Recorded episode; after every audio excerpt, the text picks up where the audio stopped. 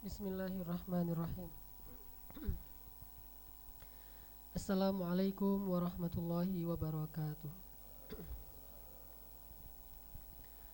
Alhamdulillah nahmaduhu wa nasta'inuhu wa nastaghfiruh wa na'udzu billahi min syururi anfusina wa sayyiati a'malina. Man yahdihillahu fala mudhillalah wa man yudlil fala hadiyalah. أشهد أن لا إله إلا الله وحده لا شريك له وأشهد أن محمدا عبده ورسوله لا نبي بعده. اللهم صل وسلم وبارك على سيدنا محمد وعلى آله وصحبه أجمعين. قال الله تعالى في القرآن الكريم أعوذ بالله من الشيطان الرجيم. بسم الله الرحمن الرحيم. اقرأ باسم ربك الذي خلق. خلق الإنسان من علق. اقرأ وربك الأكرم الذي علم بالقلم. علم الإنسان ما لم يعلم. كلا إن الإنسان ليطغى أن رآه استغنى إن إلى ربك الرجعى أرأيت الذي ينهى عبدا إذا صلى أرأيت إن كان على الهدى أو أمر بالتقوى أرأيت إن كذب وتولى؟ ألم يعلم بأن الله يرى؟ كلا لئن لم ينته لنسفعا بالناصية. ناصية كاذبة خاطئة. فليدع نادية. سندع الزبانية سندع الزبانية كلا. لا تطعه واسجد واقترب Sadaqallahul azim. Teman-teman yang dirahmati Allah Subhanahu wa taala, malam ini kita masih melanjutkan tentang bab tawadu atau rendah hati dan rendah diri. Seperti yang saya sebutkan pada pertemuan yang lalu bahwa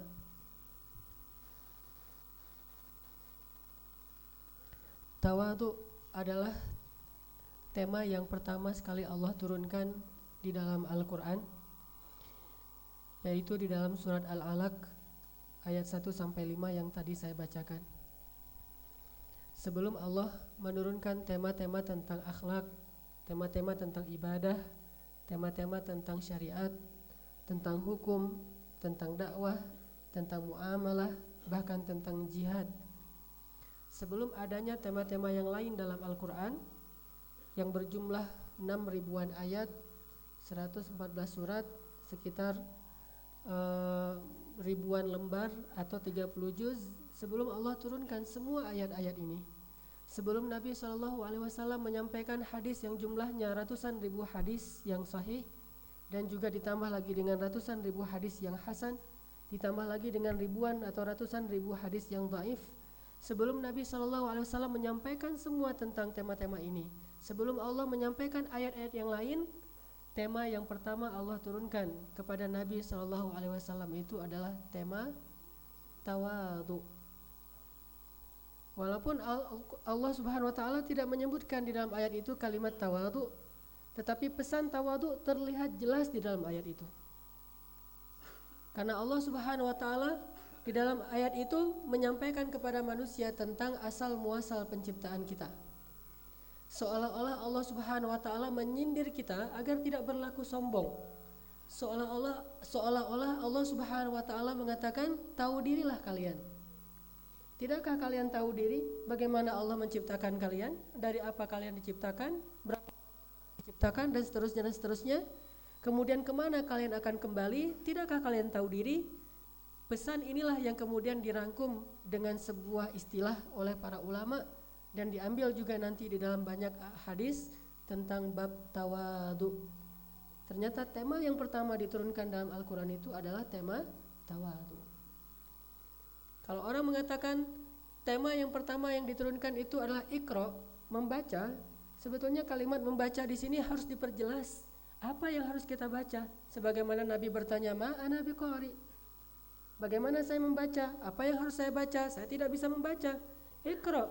Apa yang harus kita baca? Setelah kita membaca tentang kebesaran Allah, lalu kita membaca tentang kehinaan dan kerendahan diri kita di hadapan Allah.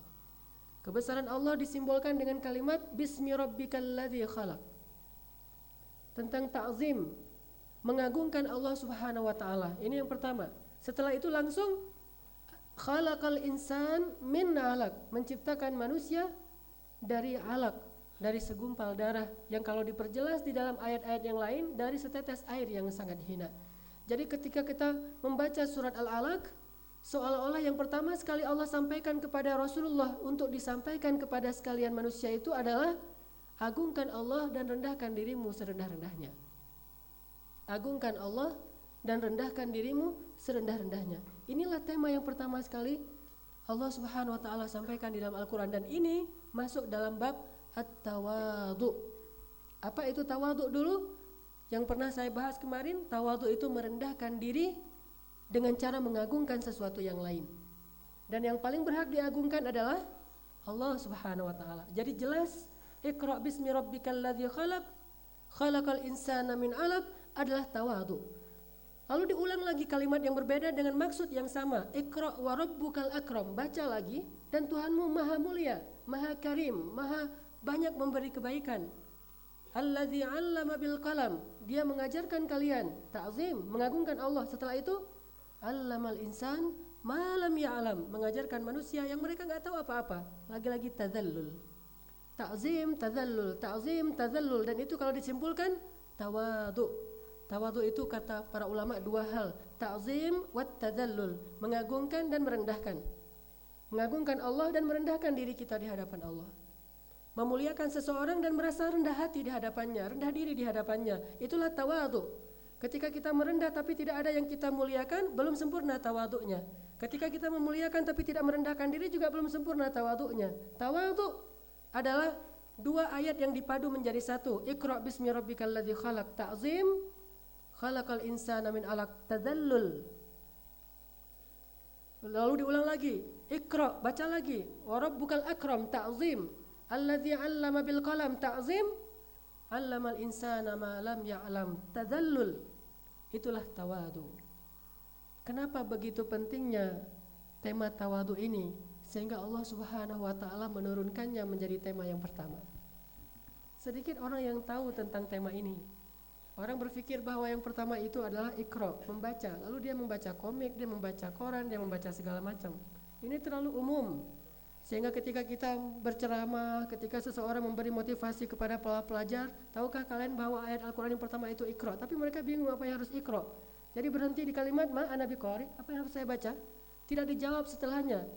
Apa yang harus kalian baca? Yang pertama yang harus kalian baca itu adalah at-tawadu, mengagungkan Allah dan merendahkan diri kalian di hadapan Allah. Itulah tema yang pertama diturunkan. Kalau ikro bukan tema, perintah. Perintah itu adalah untuk mengutuhkan tema tadi. Perintah untuk tawadu. Ikro artinya bacalah, sadarilah, fahamilah, perhatikanlah supaya kalian bisa tawadu dengan cara mengagungkan Allah dan merendahkan diri kalian sendiri. Jadi ikro adalah perintah untuk tawadu, bukan perintah membaca huruf demi huruf. Kalau sekedar membaca huruf demi huruf, Orang-orang Arab walaupun mereka tidak semuanya bisa baca huruf, tapi juga mereka mengenal baca dan tulis. Ali bin Abi Thalib sudah bisa baca tulis dari kecil. Umar bin Khattab bisa baca tulis dari kecil. Bahkan Abu Jahal yang dikenal dengan istilah jahal, seorang yang pandai membaca dan menulis, bahkan meriwayatkan nasab-nasab orang Quraisy sampai kepada Nabi Ismail. Ternyata bukan baca hurufnya, tetapi membaca sebuah tema yang menjadi akar dari semua kebaikan, yaitu at-tawadhu lillah merasa tawadu, rendah diri kepada Allah, lalu rendah hati kepada manusia. Pertanyaannya kenapa begitu penting bab tawadu? Kenapa bab tawadu ini disebut sebagai bab yang pertama? Kalau dalam fikih bab pertama itu apa? Atau dalam ibadah bab pertama itu apa? Apa?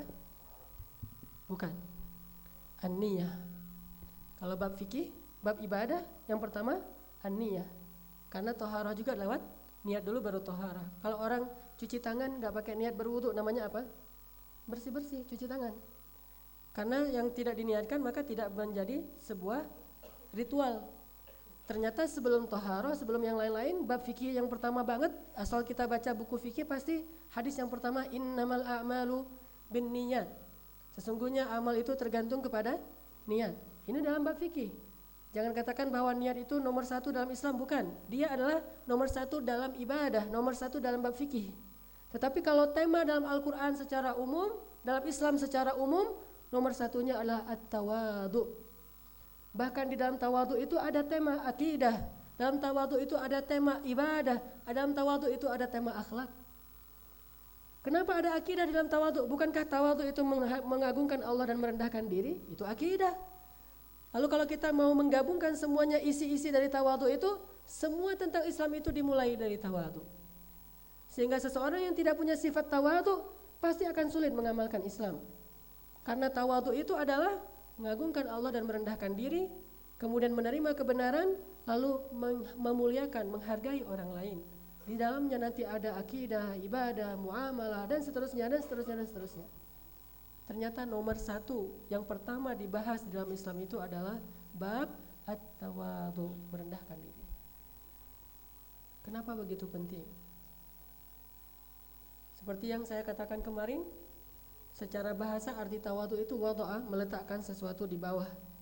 Berarti seorang yang sedang belajar tawadu meletakkan dirinya di tempat yang paling rendah. Arti tempat yang paling rendah tidak ada lagi yang lebih rendah dari itu. Arti tempat yang paling rendah, tidak ada lagi tempat yang lebih rendah dari itu. Kalau masih ada, berarti dia belum tawadu. Sampai seorang ulama, ahli ibadah, ahli hikmah, Fudail bin Iyad yang terkenal, pernah mengatakan apa kata Fudail bin Iyad? Waqala al-Fudail, kata Imam Fudail, man ra'a li nafsihi qimatan, falaysa lahu fit tawadu'in fit tawadu'i nasibun. Siapa yang masih memandang dirinya punya nilai, man ra'a nafsahu Man ra'a nafs li nafsihi qimatan. Siapa yang memandang dirinya punya nilai walaupun satu aja poin. Siapa yang memandang dirinya ada poin, ada kelebihan, ada kemuliaan, ada nilai, maka dia belum punya bagian dari tawadhu walaupun sedikit. Jadi at-tawadhu secara bahasa meletakkan di tempat yang paling rendah. Dan maksud paling rendah di sini tidak ada lagi yang lebih rendah dari itu. Sehingga dengan sifat meletakkan diri di tempat yang paling rendah, apalagi di hadapan Allah Subhanahu wa taala, lalu hatinya diletakkan di tempat yang paling rendah di hadapan manusia, muncullah dua hal yang paling istimewa dari sifat tawadu yang ini mengutuhkan keislaman seseorang. Apa kata para ulama? At-tawadu inilah yang kemudian berbuah dengan ketaatan dan kemuliaan akhlak. Tawadu kepada Allah menghasilkan ketaatan kepada Allah. Tawadu kepada manusia melahirkan kemuliaan akhlak di antara manusia. Makanya kenapa tawadhu menjadi tema yang pertama? Karena dari tema inilah muncul dua hal yang paling besar dalam agama. Taat kepada Allah dan akhlak mulia kepada manusia atau kepada makhluk. Beribadah kepada Allah Subhanahu wa taala, sami'na wa ata'na kepada Allah Subhanahu wa taala, lalu menjadi rahmatan lil alamin, menjadi kebaikan bagi semua makhluk yang ada di alam semesta. Dimulai dari tawadhu ketika dia meletakkan dirinya di tempat yang paling rendah. Dan saya sebutkan kemarin bahwa lawan dari tawadu itu apa? Kebalikan dari tawadu at-takabbur. Takabur itu dari kata kabir, besar. Takabur membesar-besarkan, menganggap dirinya hebat. Dan apa kata Nabi Shallallahu Alaihi Wasallam tentang sifat sombong atau takabur ini? La yadkhulul jannata man kana fi qalbihi mithqala dzarratin min kibr. Tidak akan masuk surga seseorang yang di dalam hatinya ada sekecil zarrah rasa sombong. Enggak masuk surga. Jangankan mau masuk surga, yang di dalam surga aja dikeluarkan dari surga gara-gara kiber. Siapa yang dikeluarkan dari surga gara-gara kiber? Iblis laknatullah alaih. Ada lagi yang dikeluarkan dari surga selain iblis waktu itu? Adam dan Hawa, tetapi bukan karena kibar. Adam dan Hawa dikeluarkan karena berbuat kesalahan, bukan karena sombong. Karena melakukan kesalahan, bermaksiat kepada Allah, melanggar perintah Allah atau larangan Allah Subhanahu wa taala sehingga dia dikeluarkan dari surga. Apa bedanya dua orang yang dikeluarkan dari surga ini? Yang satu dikeluarkan karena sombong, yang satu dikeluarkan karena dosa. Yang dikeluarkan karena dosa, Allah menerima taubatnya.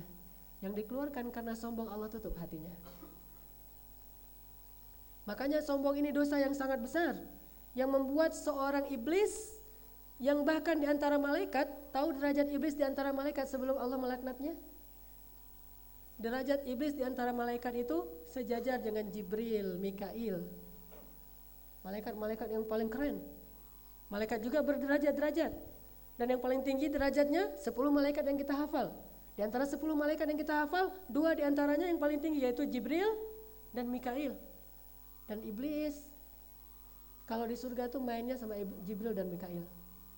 Gaulnya tuh kelompoknya itu kalau ada Jibril ada Mikail terus ada iblis di situ.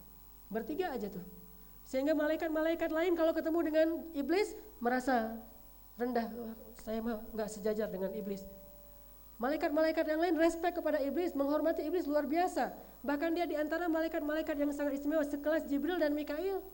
Saking istimewanya, iblis baca nanti kitab Al-Bidayah wa Nihayah tentang bagaimana penciptaan iblis dan segala macam tentang cerita-cerita di masa lalu sebelum adanya Adam. Gimana mulianya iblis? Sampai para malaikat pun merasa sangat kagum kepada iblis. Sampai para malaikat pun sangat memuliakan iblis di antara mereka. Kalau ada majelis malaikat lalu iblis datang, seolah-olah kalau di antara manusia dia disuruh duduk di atas. Di antara malaikat. Tapi dengan sifat sombongnya, Allah mencabut semua kemuliaan iblis. Allah mencabut semua keistimewaan iblis. Allah mengubah semua tentang iblis yang baik menjadi buruk karena kesombongan dalam dirinya. Dan mantra sombongnya adalah ana khairum min khalaqtani min narin wa khalaqtahu min tin. Ini mantra sombongan. Saya lebih baik daripada dia. Maka jangan pernah mengulang kalimat ini. Bukankah kita lebih taat berarti lebih baik? Iblis lebih taat. Iblis lebih taat daripada manusia, bahkan lebih taat dari beberapa malaikat. Sangat taat sampai Allah Subhanahu wa taala menggolongkannya di antara malaikat. Tetapi justru karena ketaatan itu dia mengatakan ana khairum min ini mantranya iblis. Makanya Allah menasihati kita di dalam Al-Qur'an, "Fala tuzakku anfusakum." Janganlah kalian memandang diri kalian suci. Maksud memandang diri suci ini kata para ulama tafsir, janganlah memandang diri kalian lebih baik. Baca tafsirnya.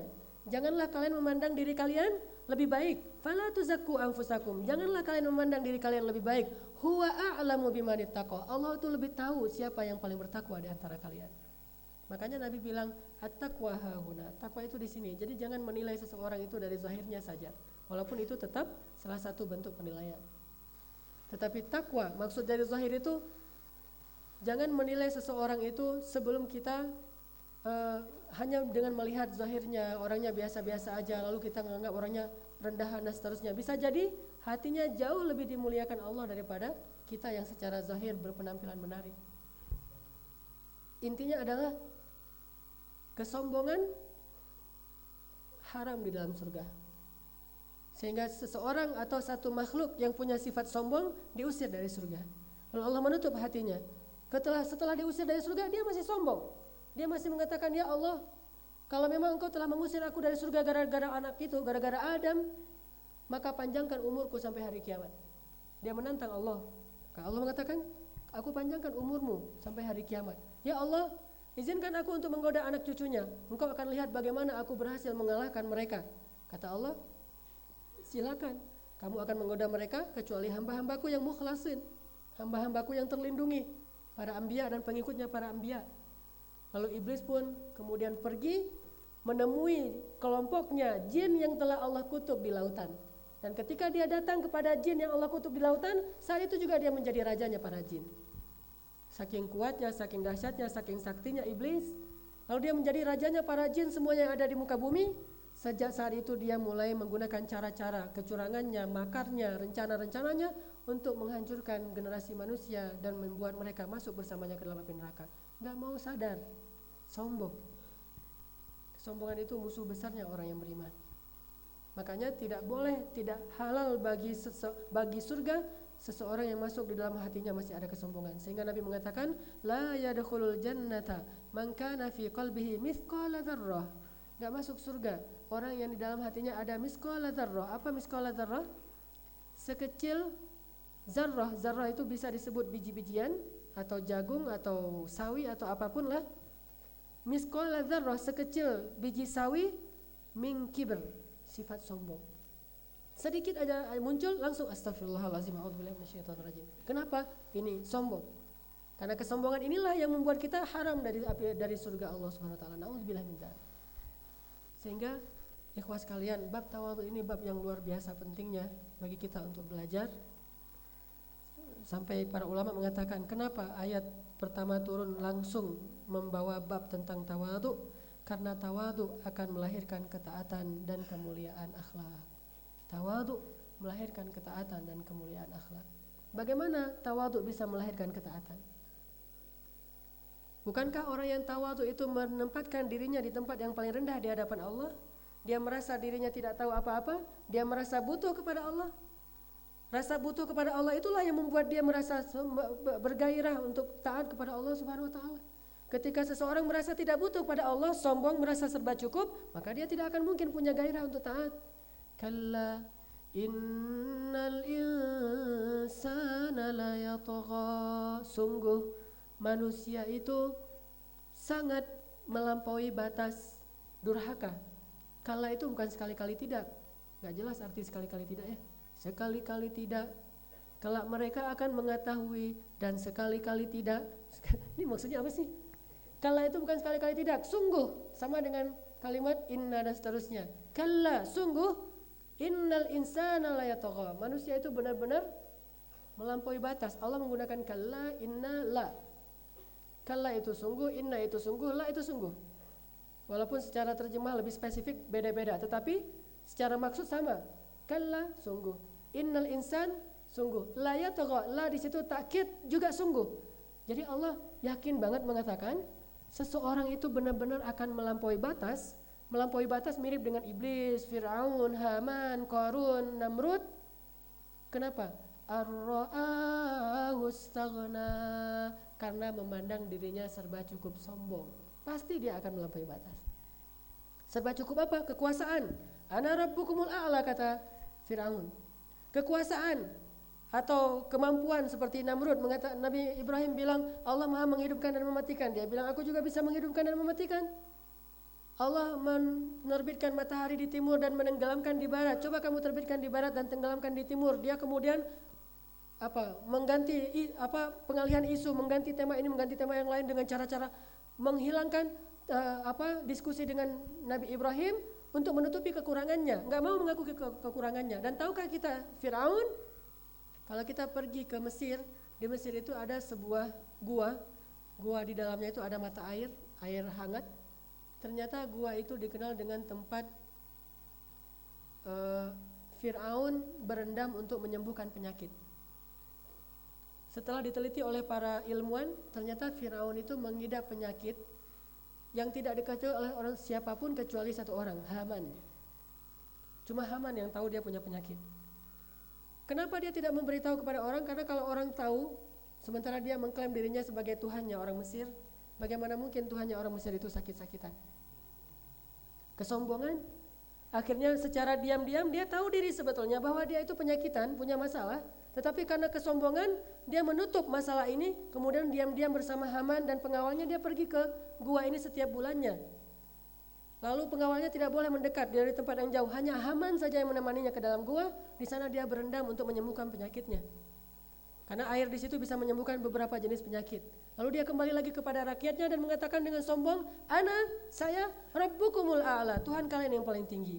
Ketika datang Nabi Musa, dia menantang Musa, dia menen, dia uh, apa menguji Musa dengan berbagai macam pertanyaan. Ketika Musa tidak menjawab, maka dia tertawa, dia mentertawakan, dia memperolok-olok dan seterusnya dan seterusnya Kesombongan inilah yang menjadikan dia togo, melampaui batas dan tidak mau menerima kebaikan.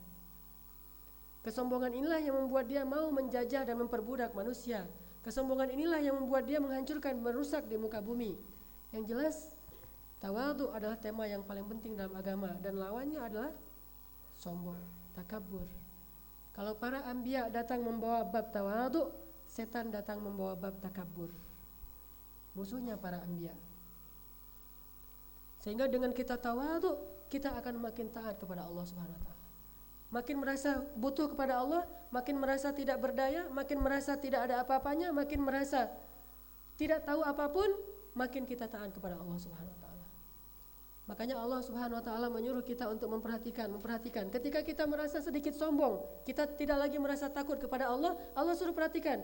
Tidakkah kami telah menciptakan orang yang jauh lebih kuat daripada kalian, kaum Ad dan Samud? Lalu perhatikan bagaimana kami menghancurkan mereka sehancur-hancurnya dan tidak ada sisa bagi mereka kecuali yang kami izinkan agar menjadi pelajaran bagi kalian. Itu tujuannya apa? Biar kita tahu diri dan tidak sombong. Kalau kita merasa bahwa dengan teknologi kita, dengan kecanggihan kita bisa menantang Allah, maka ada kaum, ada bangsa yang lebih hebat dan lebih canggih daripada kita yaitu kaum Ad dan Samud. Bahkan kalau kita hidup di antara mereka pasti kita jadi budaknya mereka. Bagaimana tidak jadi budak?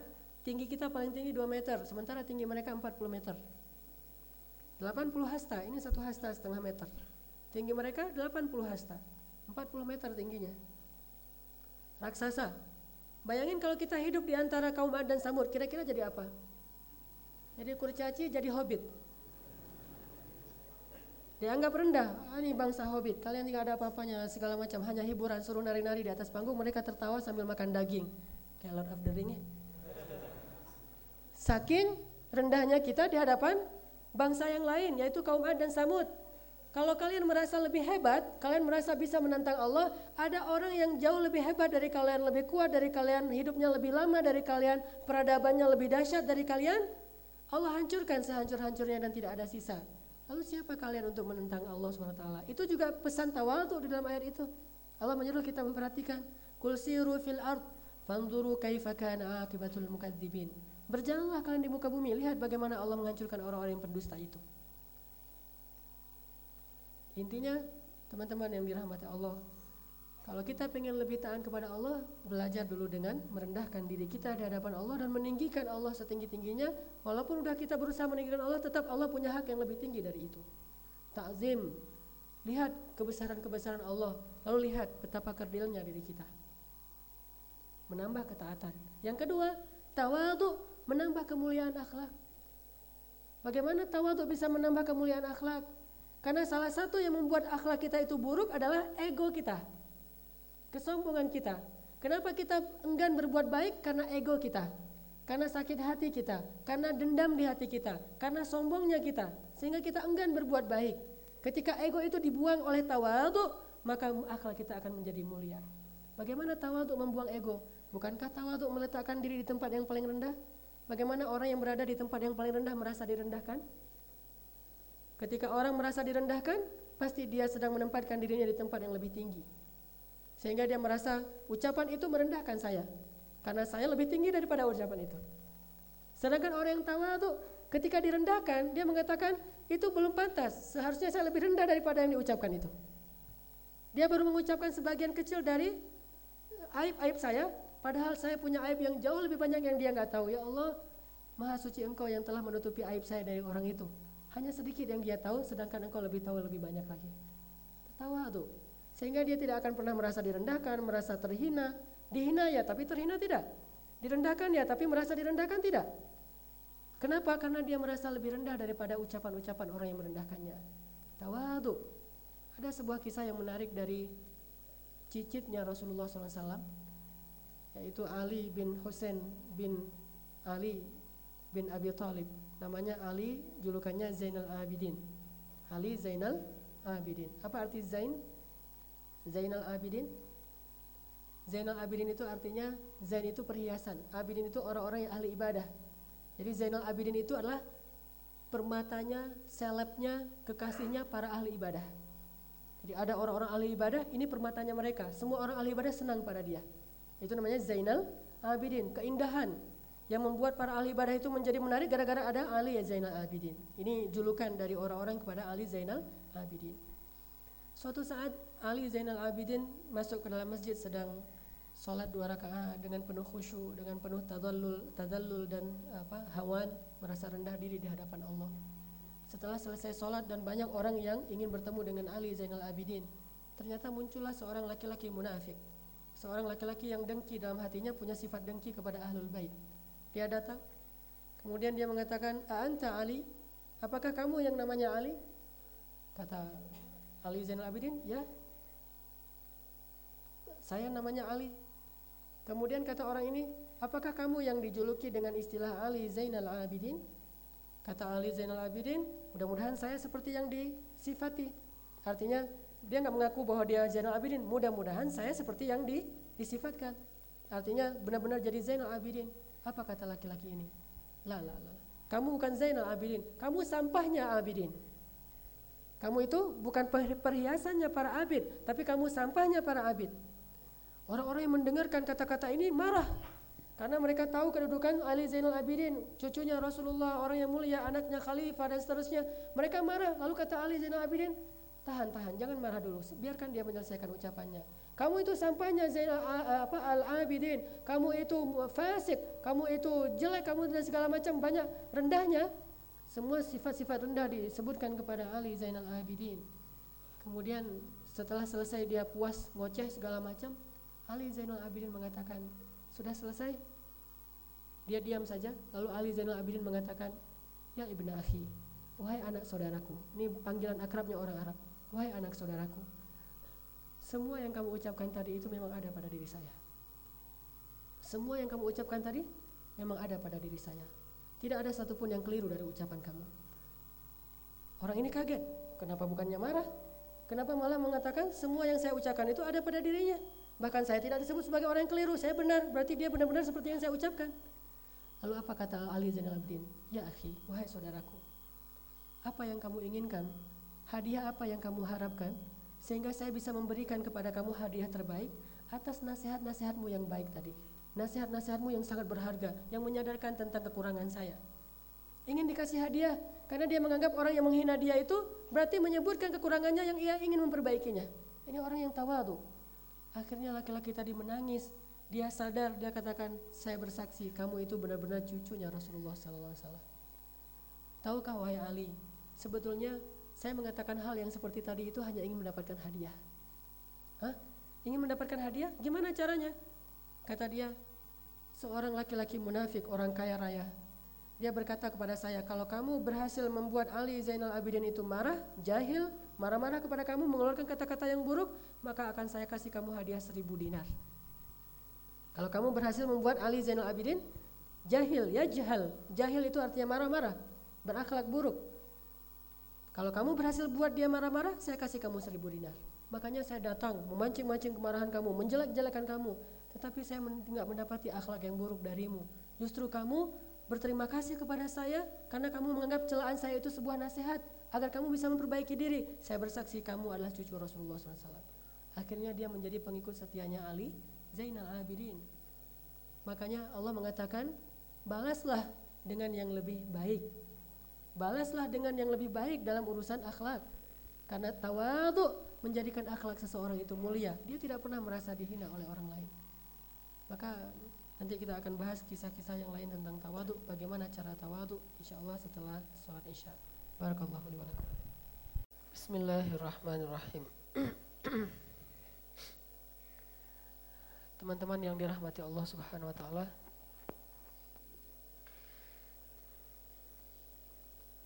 Tadi kita sampai kepada kalimat dari para ulama bahwa sifat tawadu itu akan melahirkan dua hal, dua kebaikan yang paling besar yang menjadi inti dari agama kita. Yang pertama, sifat tawadu itu melahirkan ketaatan. Yang kedua, sifat tawadu itu melahirkan kemuliaan akhlak. Bagaimana caranya sifat tawadu melahirkan ketaatan kepada Allah Subhanahu wa taala? Salah satunya adalah ketika kita merasa sangat butuh kepada Allah, kita punya semangat untuk beribadah. Atau ketika kita merasa sangat banyak dosa dan kita butuh ampunan Allah, kita tidak akan pernah berhenti untuk terus memperbaiki diri, beristighfar, bertaubat, berhijrah dan seterusnya. Kenapa? Karena kita merasa diri kita banyak dosa, tawadu. Kita merasa rendah, hina, banyak sekali dosa-dosa kita dan kita ingat semua itu. Sampai para sahabat radhiyallahu anhum ajmain Kenapa mereka rajin ibadah malam? Bukankah mereka uh, udah beribadah sholat di masjid, udah berjihad segala macam? Kenapa masih juga beribadah malam? Karena mereka merasa bahwa yang mereka lakukan itu masih jauh dibandingkan dengan dosa-dosa mereka yang lebih banyak. Atau mereka juga dengan tawaduknya merasa bahwa perjuangan mereka, ibadah mereka, amal soleh mereka itu masih banyak kurangnya. Tidak pernah merasa bahwa amal soleh mereka itu udah hebat. Justru masih banyak kurangnya, masih banyak aibnya, masih banyak kekeliruannya, masih belum benar-benar ikhlas dan seterusnya. Sehingga banyak dari mereka yang malam hari itu bertadabur seperti Umar bin Khattab mengatakan, aduhai seandainya aku jadi debu saja atau dia mengatakan, aduhai betapa ruginya ibuku yang telah melahirkan orang seperti aku. Ini tawaduk di hadapan Allah. Umar mengatakan, betapa ruginya seorang ibu yang yang telah melahirkan anak seperti aku. Terus gimana ruginya ibu-ibu kita yang telah melahirkan anak seperti kita? Harusnya dia melahirkan anak yang jauh lebih taat daripada kita. Ini tawaduk di hadapan Allah. Sehingga dengan sifat rendah diri di hadapan Allah, merasa lebih rendah daripada debu, harusnya nggak usah dilahirkan saja saking hinanya kita, mencoba untuk terus memperbaiki diri. Sehingga dia malam sholat lagi, menangis lagi, merasa rendah lagi di hadapan Allah. Aduhai, aduhai, aduhai. Begitu juga dengan Abu Bakar As-Siddiq. Ini orang-orang yang sangat hebat, tapi merasa rugi dilahirkan ke dunia, saking rendahnya dirinya di hadapan Allah. Hanya ibu saya, maksudnya betapa ruginya ibu telah melahirkan anak seperti saya itu maksudnya dia menghargai ibunya, merendahkan dirinya, mengagungkan Allah di situ sekaligus. Dalam nih kalimat nih. Sisi mana yang menghargai ibu? Dia sadar ibunya telah mengandungnya 9 bulan dalam kepayahan. Perjuangan ibunya ternyata hanya untuk ngelahirin anak yang serendah ini. Kemudian ibunya melahirkannya dengan taruhan nyawa. Dia bertaruh dengan nyawanya hanya untuk melahirkan anak serendah ini. Kemudian ibunya menyusuinya dua tahun hanya untuk membesarkan anak serendah ini. Kemudian ibunya mendidik, menjaga, mentarbiah segala macam anaknya sampai dia besar. Hanya untuk seorang anak yang serendah ini dia merasa bahwa jerih payah ibunya terlalu berharga untuk seorang anak serendah dirinya. Sehingga dia katakan, aduhai betapa ruginya seorang ibu yang melahirkan orang seperti aku. Tawadu. Atau dia mengatakan, aduhai seandainya aku jadi debu saja. Tawadu. Dengan tawadu inilah kemudian menambah ketaatan. Aduhai betapa banyak dosa-dosa saya dan segala macam. Tawadu ketika seseorang menyebut dosa-dosa Umar di masa lalu atau berkisah tentang masa-masa jahiliyah. Dulu kita di masa jahiliyah begini, dulu kita di masa jahiliyah begitu. Orang seperti Umar bukan merasa bangga dengan dosa-dosanya. Ini lebih aneh lagi, ada orang sombong dengan amal solehnya, masih walaupun nggak dibilang baik, tapi ya wajar lah gitu. Tapi ada yang lebih nggak aneh, sombong dengan dosa-dosa. Sombong dengan kekejiannya, sombong dengan kekurangannya, sombong dengan aib-aibnya, malah sombong. Ini lebih aneh lagi nih nggak habis pikir. Sehingga Umar bin Khattab ketika diingatkan tentang masa-masa jahiliyah, dia menangis. Dia mengatakan hasbuk hasbuk, udah udah udah jangan ceritain lagi masa-masa itu karena dia merasa malu dan rendah diri ketika dikisahkan ayat-ayat uh, kisah-kisah tentang jahiliyah. Dengan begitu dia jadi lebih taat. Coba teman-teman buka Al-Qur'an. Surat Al-Mu'minun surat 23 ayat 60. Muzammil. Muzammil. Surat Al-Mu'minun Surat 23 Ayat 60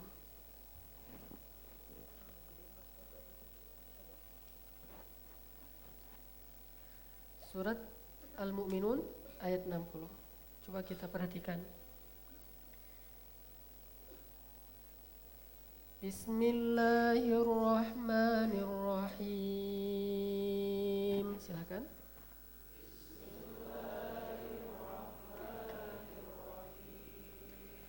والذين يؤتون ما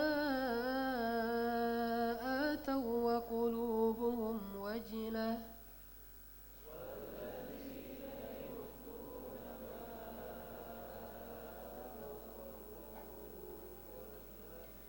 وقلوبهم وجلة أنهم إلى ربهم راجعون.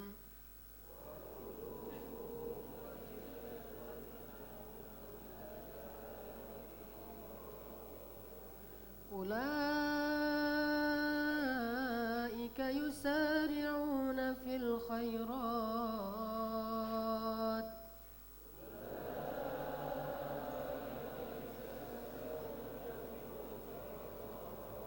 وهم لها سابقون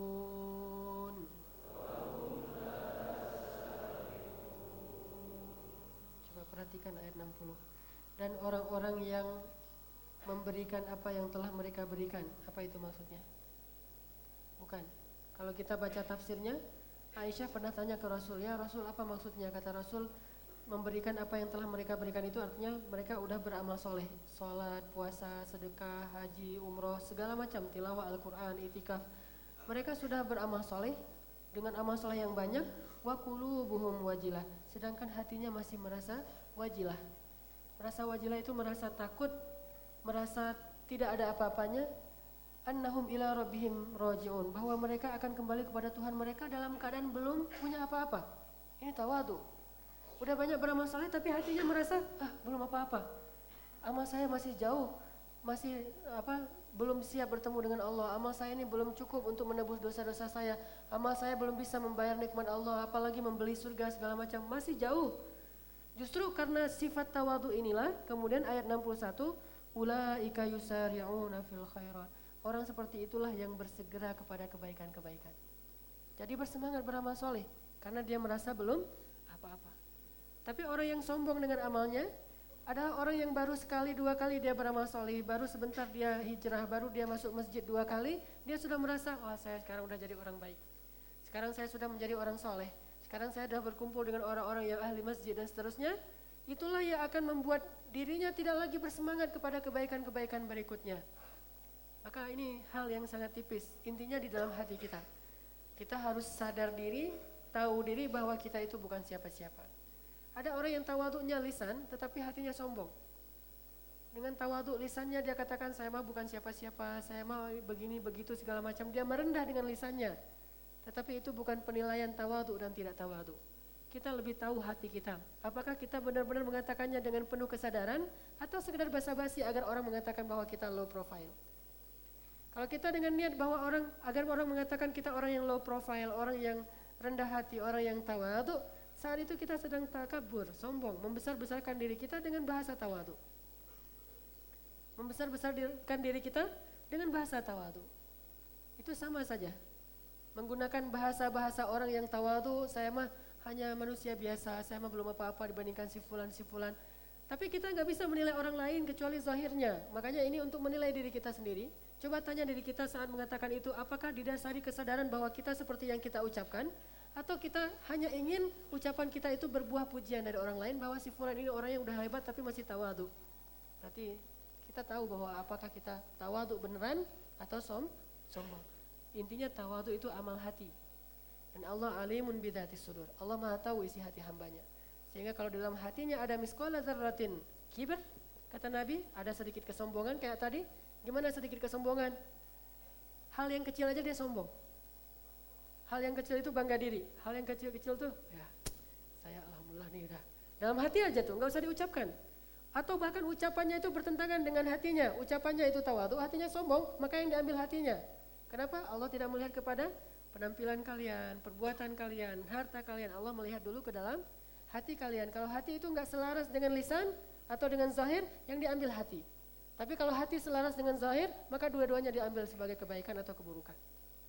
Kalau tidak selaras, maka hati yang dilihat. Misalnya zahirnya menampakkan kebaikan, hatinya menyimpan keburukan, hati yang diambil. Maka atau zahirnya menampakkan keburukan, hatinya melahirkan ke apa kebaikan itu tidak pernah ada. Yang ada adalah orang yang hatinya menyimpan keburukan, zahirnya menampakkan kebaikan. Tawaduk zahir, takabur batin, maka dia takabur. Apalagi kalau sampai zahir batin dia takabur. Batinnya membanggakan diri secara perasaan, zahirnya juga dia memuji-muji dirinya secara uh, apa uh, herba, uh, verbal sehingga menjadi seseorang yang takabur. Teman-teman sekalian, sehingga dengan sifat tawadu seseorang itu akan menjadi bertambah apa ketaatannya kepada Allah Subhanahu wa taala, menjadi lebih taat kepada Allah. Dan juga dengan tawadu seseorang itu akan menjadi lebih baik akhlaknya seperti cerita Ali Zainal Abidin yang merasa memang dirinya seperti yang disifatkan kemudian dia merasa bahagia karena orang itu sudah memberitahu kekurangan dia. Cobalah mencontohi kakeknya Ali Zainal Abidin. Siapa kakeknya? Ali bin Abi Thalib.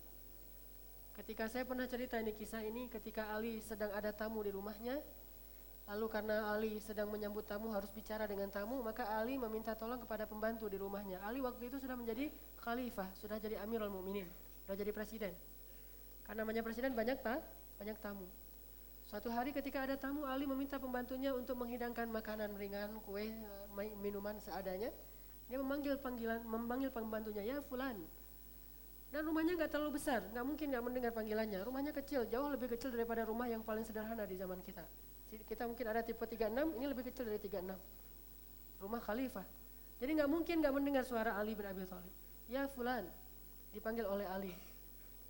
Pembantunya di dalam kamar tidak menyaut.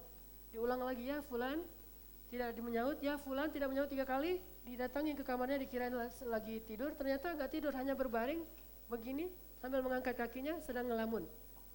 Pembantu lagi ngelamun. Lalu Ali mengatakan, ya fulan, kamu tidak mendengar panggilan saya? Dengar kata dia. Kenapa kamu tidak menya, apa, menyahut, tidak menjawab? Sengaja. Hah? Kenapa? Karena saya ingin melihat apakah kamu bersabar atau marah. Pembantu ngomong kayak gitu kepada bukan tuan lagi, kepada khalifah presiden. Khalifah, presiden, ahlul bait, istri suaminya Fatimah, apa, sahabat terdekat Rasulullah, ahli ilmu, ulama, semua kelebihan ada pada diri Ali bin Abi Thalib. Sampai para ulama mengatakan semua khalifatul rasyidin menjadi mulia setelah menjadi khalifah. Tetapi Ali kekhalifahan yang menjadi mulia karena gara Ali.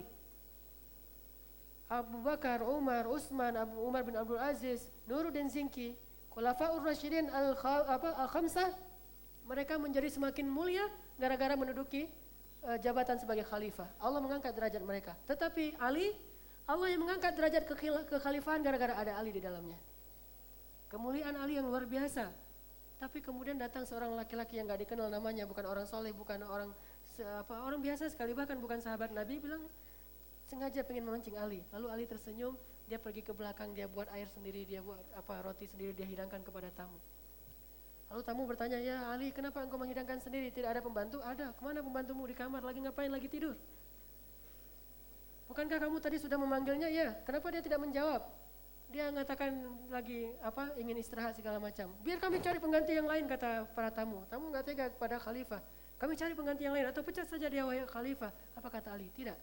Sesungguhnya aku sedang belajar sabar dari dia. Aku sedang belajar sabar dari dia. Dia guru dalam kesabaran. Tawadu. Seseorang yang tawadu tidak pernah merasa direndahkan, justru mengambil hikmah dari setiap celaan-celaan orang yang mencelanya. Dia sedang mengajarkan saya tentang kesabaran. Rasulullah SAW pernah ditanya, ya Rasulullah, berapa kali harusnya seorang laki-laki itu bersabar terhadap istri dan keluarganya dalam sehari? Berapa kali harusnya seorang laki-laki itu bersabar terhadap kesalahan atau kekurangan atau aib atau kekeliruan atau kegangguan dari istrinya dan keluarganya dalam sehari berapa kali? Kata sahabat. Apa kata Rasul? 70 kali. Dalam sehari seorang laki-laki itu ideal bersabar terhadap 70 kali disakiti oleh istrinya, di, di, merasa di apa dikecewakan oleh istrinya, oleh pembantunya, oleh anak-anaknya, bersabar 70 kali kesalahan. Siapa di antara kita yang ketika istri kita menguji kesabaran kita, kita mengatakan dengan senyum, Alhamdulillah dia sedang mengajarkan saya tentang sifat sabar. Istri sedang mengajarkan saya sifat sabar. Akhirnya kita besoknya kita kasih dia hadiah, kita tulis di dalamnya, sayang Terima kasih ya kamu udah jadi udah ngajarin aku gimana menjadi orang yang sabar. Mudah-mudahan aku bisa mengamalkan ilmu ini walaupun belum ideal. Besok dia akan mengajari kita sabar yang lain. Supaya lebih sabar lagi. Siapa di antara kita yang bisa mengatakan itu? Sekarang saya sedang belajar itu, cuma istri saya nggak pernah menguji saya dengan kesabaran selalu melarutkan saya dalam kesenang, kesenangan. Mereka begitu berkhidmat, begitu baik, begitu taat, sehingga saya belum bisa bersabar karena istri saya tidak menguji saya dengan kesabaran. Anak-anak tidak menguji saya dengan kesabaran, Alhamdulillah ada orang lain yang menguji saya dengan kesabaran. Alhamdulillah. Tapi kan tidak perlu disebutkan. Ada orang yang menguji saya dengan kesabaran, Alhamdulillah, oh ini guru saya dalam kesabaran. Di jalan supir angkot, guru saya dalam kesabaran. Eh kesebut. Misalnya gitu, dia nyelonong aja sembarangan, ah, ini guru dalam kesabaran. Ada orang yang nggak tertib lalu lintas kita merasa jengkel sama dia menguji atau menjadi guru dalam kesabaran. Begitu terus menerus, bukan merasa direndahkan, dihina, disalib apa di ah, saya ini kan ustadz masa disalib? Emang kalau ustadz nggak boleh disalib gitu? Sehingga merasa tinggi dirinya, saya Ustaz masa enggak apa seseorang ngomong sembarangan di hadapan saya atau dia mengkritik saya dan segala macam, tidak udah. Kalau misalnya kita tidak bisa membalas dengan kebaikan, minimal jangan membalas dengan keburukan, diam saja. Karena diamnya seorang mukmin karena kesabaran itu sedekah. Ini yang dilakukan Ali bin Abi Thalib. Saya lagi belajar sabar dari dia. Akhlak yang mulia lahir dari sifat tawadu. Makanya belajarlah sifat tawadu. Inti belajar dari sifat tawadu itu belajar sadar diri. Bukan belajar mengucapkan kalimat bahwa saya mah orang biasa. Bukan, itu mah gampang. Tapi tidak dibarengi dengan kesadaran. Yang kita sedang belajar tuh pengen sadar, pengen apa? Benar-benar mengakui bahwa diri kita itu rendah diri di hadapan Allah dan kita itu bukan siapa-siapa di antara manusia. Benar-benar kita coba sadari itu. Sampai berhasil, saat itulah kita mulai menjadi seseorang yang mudah-mudahan Allah mengangkat. Tidaklah seseorang merendahkan dirinya di hadapan manusia kecuali Allah akan mengangkat derajatnya. Tapi dengan kesadaran. Gimana caranya? Biar kita bisa tawaduk beneran. Biar kita bisa menyadari dalam hati kita, bukan cuma lisan kita yang tawaduk. Ada tiga cara yang diajarkan ulama agar kita bisa tawaduk dengan tawaduk yang sebenarnya. Cara yang pertama, ini yang paling penting, pandanglah dunia dengan rasa remeh, bukan dengan ketakjuban. Pandanglah dunia dengan keremehan, dengan rasa rendah, bukan dengan ketakjuban. Kenapa demikian? Sebab ketakjuban pada dunia melahirkan kesombongan dan kedengkian. Ketakjuban kepada dunia melahirkan kesombongan dan kedengkian. Orang yang mendapatkan dunia menjadi sombong, orang yang tidak mendapatkan dunia menjadi dengki. Kalau kita dapat dunia, kita menjadi sombong. Sedangkan kalau kita kehilangan dunia atau orang lain yang dapat dunia lebih dari kita, kita menjadi dengki. Dan tidak akan mungkin jadi orang yang tawadu kalau kita masih melihat dunia dengan kacamata takjub. Kita melihat dunia dengan kacamata takjub, saat itu juga kita menjadi orang yang mudah sekali untuk terjebak eh, kepada kesombongan atau kedengkian. Saat kita mendapatkan apa yang kita takjubkan, maka kita akan sombong. Saya lebih dari dia, saya lebih kaya, saya lebih tenang, saya lebih terkenal, saya lebih, saya lebih, saya lebih, saya penampilannya lebih menarik dan seterusnya. Lebih banyak yang ngefans kepada saya, lebih banyak yang tertarik kepada saya. Orang-orang ngantri untuk bisa bertemu dengan saya segala macam. Menjadi sombong karena dia takjub dengan sisi-sisi dunia yang rendah. Dunia itu harta, dunia itu kemegahan, dunia itu kesenangan, dunia itu ketenaran, dunia itu pengikut, dan segala macam itu dunia. Ketika kita takjub, sangat mungkin saat kita mendapatkan yang kita takjubkan itu kita akan sombong. Atau kalau kita tidak mendapatkannya, orang lain yang mendapatkannya, kita akan dengki. Tidak ada sisi tawaduknya di dalam itu. Makanya cara untuk tawaduk dengan tawaduk, tawaduk yang sebenarnya pandanglah dunia dengan keremehan. Sehingga ketika kita mendapatkan sebanyak apa pun, itu tidak akan mengangkat kita sama sekali untuk jadi orang sombong. Biasa aja, karena dunia itu remeh. Karena dunia itu tidak ada nilainya di mata kita. Walaupun kita boleh mengumpulkan dunia, karena Allah yang menyuruh kita untuk mengumpulkannya demi kebaikan kita dan orang lain, tetapi tidak mengambil nilainya, hanya mengambil manfaatnya. Tidak memberikan nilai pada dunia itu, hanya memberikan, hanya mengambil manfaat dan menyebarkan manfaat kepada yang lain. Tidak memberikan sama sekali nilai, satu pun tidak, apalagi sampai 10, sampai 100, ribu dan sekian. Maka orang yang tawaduk memandang dunia tidak ada bedanya antara emas dengan batu. Kalau dia bisa melihat emas dan batu itu nggak ada bedanya, maka dia akan jadi orang yang tawadu. Ketika dia menjadi khalifah, dia biasa-biasa saja. Ketika dia menjadi rakyat biasa, juga dia tidak merasa rendah, eh, merasa orang yang hina, biasa saja. Karena tidak dihina dan dimuliakan seseorang itu oleh dunianya, tetapi dihina dan dimuliakannya oleh ketakwaan dan dosa-dosanya. Inna akramakum indallahi atqakum. Yang paling mulia di antara kalian yang paling bertakwa, bukan yang paling kaya kecuali karena kedermawanannya, bukan yang paling terkenal kecuali karena pengaruh baiknya, bukan yang paling tinggi jabatannya kecuali karena keadilannya, bukan karena gantengnya kecuali dengan gantengnya itu dia bisa memberi manfaat baik bagi orang lain. Cuma saya nggak tahu ganteng itu manfaatnya apa. Fitnahnya lebih besar, cuma manfaatnya apa ya? Saya nggak tahu, bukan nggak ada ya, nggak tahu. Maaf ya yang ganteng-ganteng ya. Atau yang cantik misalnya manfaatnya apa? Oh ada, bermanfaat untuk pasang, pasangan, benar nggak? Selain itu, maka tidak akan menjadikan seseorang itu mulia. Kalau dia kaya, dia mulia bukan karena hartanya, tapi karena kedermawanan, takwa. Kalau dia menjadi pemimpin, bukan karena jabatannya, tetapi karena keadilannya, itu takwa. Kalau dia jadi orang yang kuat, bukan karena arogannya, tetapi karena dia membela yang lemah, itu takwa. Kalau dia menjadi seorang pedagang bukan karena dia punya banyak dagangan tetapi karena kejujurannya, itu takwa.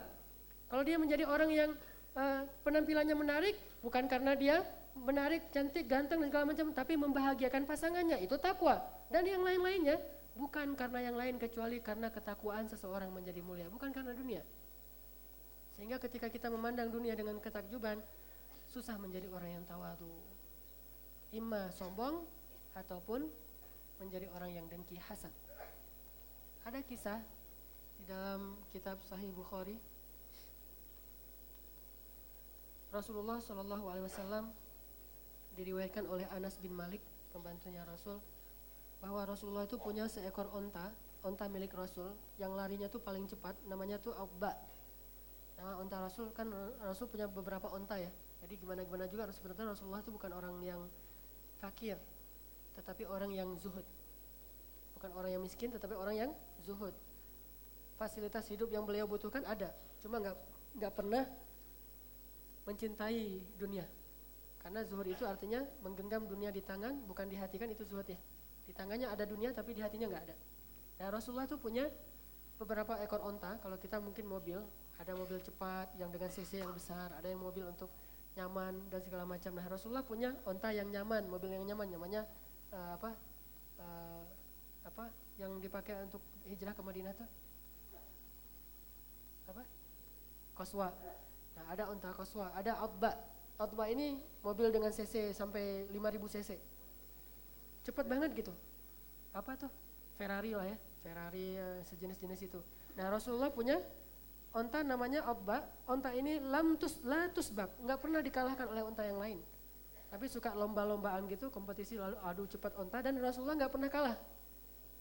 Onta ini belum pernah dikalahkan oleh onta yang lain. Berarti kan bayangin onta ini mahal banget nih, miliaran loh harganya. Coba pergi ke Dubai atau nonton TV Dubai, itu di sana suka ada acara lomba uh, pacuan onta. Dan pacuan onta itu keren banget karena treknya itu bagus di tengah padang pasir dibuat trek untuk pacuan onta tuh pemandangannya tuh indah banget uh, apa gunung-gunung pasir dan harga satu onta itu kalau dalam reportasenya itu harga satu onta yang juara pacuan onta sedubai harga satu ontanya 10 miliar itu sedubai ini se Mekah Madinah Di antara onta-onta terbaik itu ada di Mekah, Madinah. Kenapa onta terbaik itu Mekah? Karena onta Mekah itu onta musafir yang dia pergi ke Syam, ke Yaman, ke Palestina jarak-jarak jauh. Dan onta yang paling daya tahannya luar biasa. Onta yang pergi biasa aja ke Syam itu harganya di atas 500 juta. Jangan pakai onta yang disembeli di Mekah pas musim haji itu harganya 30 juta.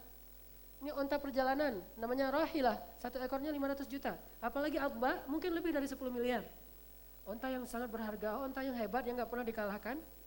Nah, kemudian hingga datang seorang laki-laki Badui. Laki-laki Badui itu orang kampung banget, karena Badui dalam bahasa Arab itu Arabi, Arabi itu arti kampungan banget. Dia punya seekor onta, kemudian berlomba dengan onta Rasul, ternyata ontanya berhasil mengalahkan onta Rasul. Kali pertama Abba dikalahkan. Jadi benar-benar nih pemecah rekor gitu. Selama ini kan yang memecah rekor kan Abba terus nih. Rekor-rekor baru dia buat gitu. Ternyata sekarang ada yang memecahkan rekor Abba. Ontanya Arabi.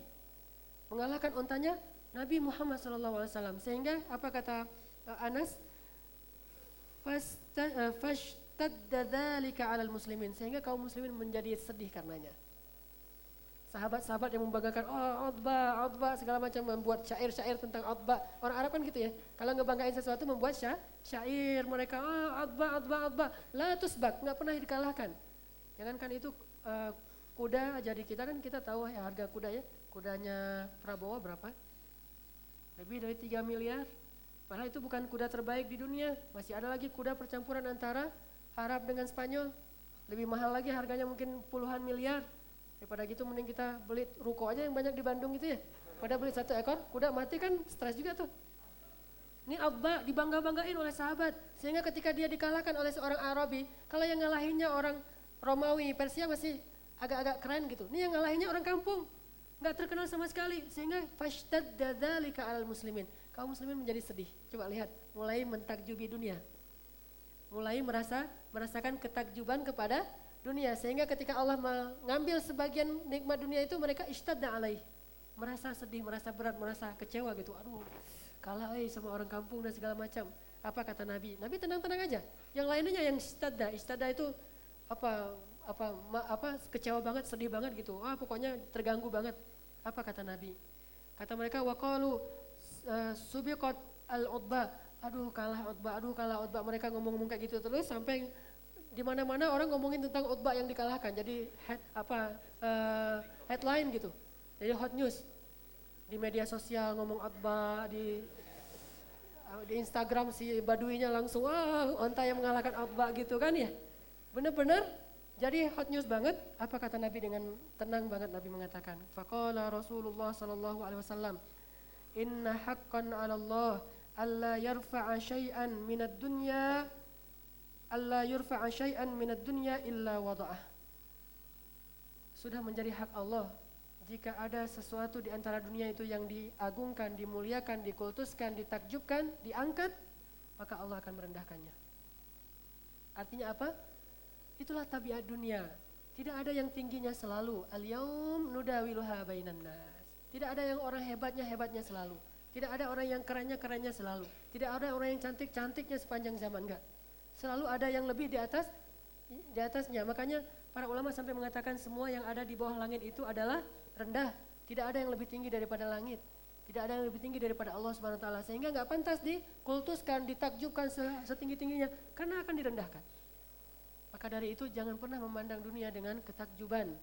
Karena ketakjuban itu nanti akan berakhir dengan kekecewaan. Kekecewaan karena sombong dan sombong itu buruk atau kekecewaan karena dengki dan dengki itu lebih buruk lagi. Gimana ayat-ayat tentang dunia dalam Al-Quran? Gimana hadis-hadis tentang dunia? Gimana Allah dan Rasul memandang dunia? Agar kita memiliki sifat tawadu. Sehingga kalau kita punya dunia kita, wah kalau dalam apa uh, fisternya yang di posting di Instagram, dunia dilempar-lempar, nggak tahu lagi taruh duit di mana, semuanya udah duit gitu, berserak-serakan duit di mana-mana. Saya juga duit saya berserak-serak karena ada koin-koin 500 suka dimainin sama anak-anak saya. Saya bilang ke istri saya sambil ketawa, duit kita banyak banget ya berserakan di mana-mana. Soalnya kita kumpulin duit untuk parkir gitu ya. Anak saya kan suka main-main koin-koin gitu berserakan. Artinya saking banyaknya dunia berserakan tapi dalam hati kita tidak ada rasa takjub sama sekali dengan hal itu.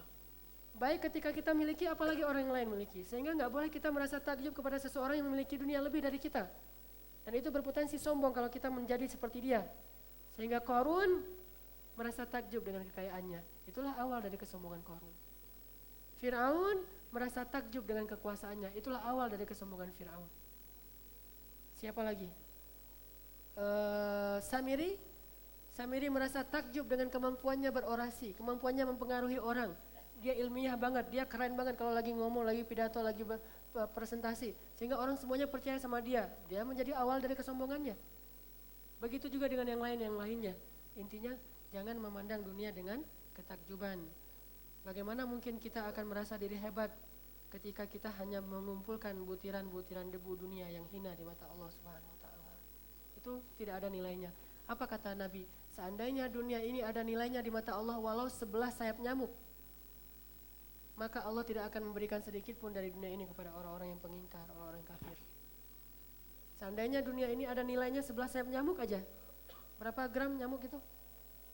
Kalau kita pakai timbangan digital, Lalu kita taruh satu ekor nyamuk di atas timbangan itu. Keluar dari nol jadi berubah nggak? Nggak berubah. Itu nyamuk loh ya. Ini sebelah sayap nyamuk. Lebih rendah daripada, lebih ringan daripada nyamuk. Seandainya dunia itu ada nilainya, walaupun sebelah sayap nyamuk kata Nabi, Allah nggak akan kasih dunia ini kepada orang kafir. Lalu kenapa orang kafir itu mengumpulkan banyak dunia, kita merasa takjub kepada negara-negara adik kuasa yang kaya raya segala macam? Karena dunia tidak ada nilainya di mata Allah. Dia hanyalah kesenangan dan sedikit manfaat untuk kaum muslimin.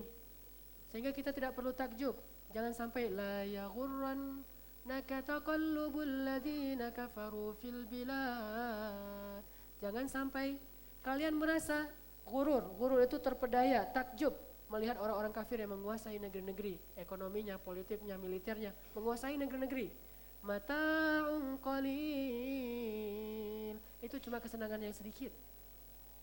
Sedangkan yang lebih baik kata Allah, Allah sediakan bagi orang yang beriman dan bertakwa nanti di akhirat. Jadi awal dari belajar tawadu itu adalah lihatlah dunia dengan remeh bukan dengan ketakjuban. Dua lagi, Insya Allah nanti akan kita cicil pada pertemuan yang akan datang. Bab tawadu ini bab pertama dalam kajian di Alatif yang sampai dibahas tiga sesi. Saking pentingnya bab tawadu dan saya tidak mau terburu-buru. Saya berharap ini benar-benar kita bisa sadari dalam diri kita, belajar banget. Dan saya juga sedang belajar tawadu sehingga kalau saya merasa uh, ada orang yang mencela, saya tidak mau merasa tercela. Ada yang menghina, tidak mau merasa terhina.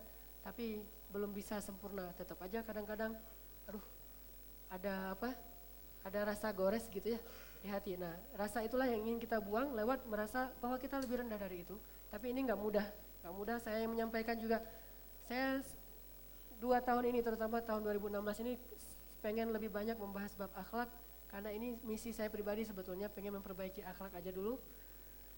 E, karena merasa bahwa bertambah taat ibadah, bertambah banyak wawasan agama kalau akhlaknya buruk atau tidak sempurna kayaknya agak tercoreng gitu tercoreng ke taatan kita, tercoreng ke zuhudan kita, tercoreng ketakwaan kita tuh tercoreng oleh akhlak. Jadi saya pengen benar-benar akhlak. Bagi saya pribadi makanya saya memilih dan saya berharap kita juga semuanya punya misi yang sama. 2016 adalah tahun perbaikan akhlak, terutama untuk untuk untuk pemuda-pemuda yang ada di Bandung. Sehingga dengan memperbaiki akhlak, insya Allah nanti Allah akan memperbaiki hati kita, memperbaiki iman kita, memperbaiki agama kita insya Allah. Mudah-mudahan bermanfaat. Barakallahu li Allahumma inna nas'aluka ilman nafi'a wa qalban khashi'a wa rizqan tayyiba wa amalan mutaqabbala. Ya Allah, kami memohon kepadamu ilmu yang bermanfaat, ilmu yang bisa memperbaiki akhlak kami, ilmu yang bisa menyadarkan diri kami, ilmu yang bisa menambahkan iman kami, ilmu yang bisa menambah ke kedekatan kami kepadamu, ilmu yang bisa menambah manfaat diri kami kepada orang-orang di sekeliling kami. Ilmu yang menjadikan kami lebih tawadu, ilmu yang menjadikan kami menunduk seperti padi, bukan ilmu yang hanya menambah wawasan di dalam kepala kami, bukan ilmu yang menjadikan kami membanggakannya karena teori-teori yang kami ketahui, bukan ilmu yang kami pakai untuk menghujat orang lain, bukan ilmu yang kami pakai untuk menilai kekurangan-kekurangan orang lain, bukan ilmu yang kami pakai untuk menghakimi orang lain, bukan ilmu yang kami pakai untuk meneropong kesalahan-kesalahan orang lain. Ya Allah, anugerahkanlah kepada kami ilmu yang bermanfaat. Ilmu yang engkau ajarkan kepada Nabi Muhammad wasallam. Dan ilmu yang engkau ajarkan kepada sahabat-sahabat Nabi-Mu radhiyallahu anhum ajmain ya Allah anugerahkanlah kepada kami akhlak yang mulia akhlak yang terpuji akhlak yang indah. Ya Allah jadikanlah kami dipandang indah oleh orang lain bukan karena harta kami. Jadikanlah kami dimuliakan oleh orang lain bukan karena kekayaan kami bukan karena jabatan kami bukan karena kedudukan kami di antara manusia, bukan karena ketenaran kami, bukan karena penampilan kami, bukan karena kelebihan-kelebihan kami, tetapi jadikanlah kami orang yang dimuliakan oleh orang lain karena kemuliaan akhlak kami ya Allah. Jadikanlah akhlak kami itu akhlak yang rahmatan lil alamin. Akhlak yang senantiasa memberikan kebaikan bagi orang-orang lain. Ya Allah ya Arhamar Rahimin, anugerahkanlah kepada kami hati yang khusyuk, hati yang senantiasa mengingatmu dalam keadaan apa pun, hati yang selalu mi'raj naik ke hadapanmu ya Allah, naik ke hadapanmu dalam penghambaan diri, naik ke hadapanmu dalam harapan-harapan yang besar, naik ke hadapanmu dengan keikhlasan, naik ke, hadap, ke hadapanmu dengan ketaku, uh, ketawakalan. Ya Allah, jadikanlah hati kami hati yang khusyuk. Jadikanlah amalan kami amalan yang sempurna fikihnya dan diterima olehmu ya Allah Perbaikilah kekurangan-kekurangan kami dalam amalan dan dan ibadah-ibadah kami ya Allah. Ya ya Arhamar Rahimin, anugerahkanlah kepada kami rezeki-rezeki yang halal. Jauhkanlah dari kami sumber-sumber rezeki yang syubhat, apalagi rezeki-rezeki yang haram. Bersihkanlah sumber rezeki kami ya Allah, yang kami makan, yang kami berikan kepada pasangan dan keluarga kami. Jangan engkau biarkan ada sedikit pun daging yang tumbuh di dalam tubuh kami dari sumber-sumber makanan yang haram. Ya Arhamar Rahimin anugerahkanlah kepada kami istri-istri, suami, ataupun anak-anak yang menjadi penyejuk mata kami, ya Allah. Jadikanlah keluarga kami menyenangkan hati kami, sehingga keluarga itu menambah kebahagiaan kami di dunia, sehingga kami bisa merasakan sedikit dan sepotong surga yang ada di dalam rumah kami, ya Allah. Dan jadikanlah kami sebagai imam-imam yang baik bagi keluarga kami. Ya Arhamar Rahimin, jadikanlah kami orang-orang yang penyayang kepada keluarga kami, kepada pasangan kami, penyayang kepada anak-anak kami dan bersabar atas kesalahan dan kekurangan mereka ya Allah. Ya Arhamar Rahimin, Jadikanlah kepada kami, anugerahkanlah kepada kami sahabat-sahabat yang soleh, yang senantiasa menasihati kami ketika kami salah, yang senantiasa menolong kami ketika kami susah, yang senantiasa mengarahkan kami ketika kami dalam keadaan uh, tidak mengenal kebaikan, ketika kami dalam keadaan tersesat. Ya Arhamar Rahimin, pertemukanlah kami dengan Rasulmu Muhammad Wasallam nanti di akhirat. Ya Arhamar Rahimin, bantulah kaum muslimin, bantulah kaum muslimin, bantulah kaum muslimin di seluruh dunia. Berikanlah hak mereka, kembalikanlah hak mereka yang dirampas oleh orang-orang yang zalim. Kembalikan rumah-rumah mereka ya Allah, kembalikan keluarga mereka ya Allah, persatukan lagi mereka dengan keluarga mereka yang terpisah di kem-kem pengungsian ya Allah. Ya Arhamar Rahimin, kembalikan tanah-tanah kaum muslimin kepada yang berhak. Ya Arhamar Rahimin, anugerahkanlah kepada kami pemimpin yang adil, pemimpin yang taat kepadamu ya Allah, pemimpin yang karena melihatnya saja kami menjadi lebih taat dan lebih bersemangat beramal soleh. Ya Arhamar Rahimin, berikanlah bimbinganmu kepada para guru-guru dan ulama kami. Jadikanlah mereka teladan-teladan umatnya. Jadikanlah mereka pewaris-pewaris nabimu yang akan meneruskan perjuangan dakwah nabimu ya Arhamar Rahimin. Rabbana atina fid dunya hasanah wa fil akhirati hasanah wa qina adzabannar. Subhanakallahumma wa bihamdika asyhadu an la ilaha illa anta astaghfiruka wa atubu ilaik. Assalamualaikum warahmatullahi wabarakatuh.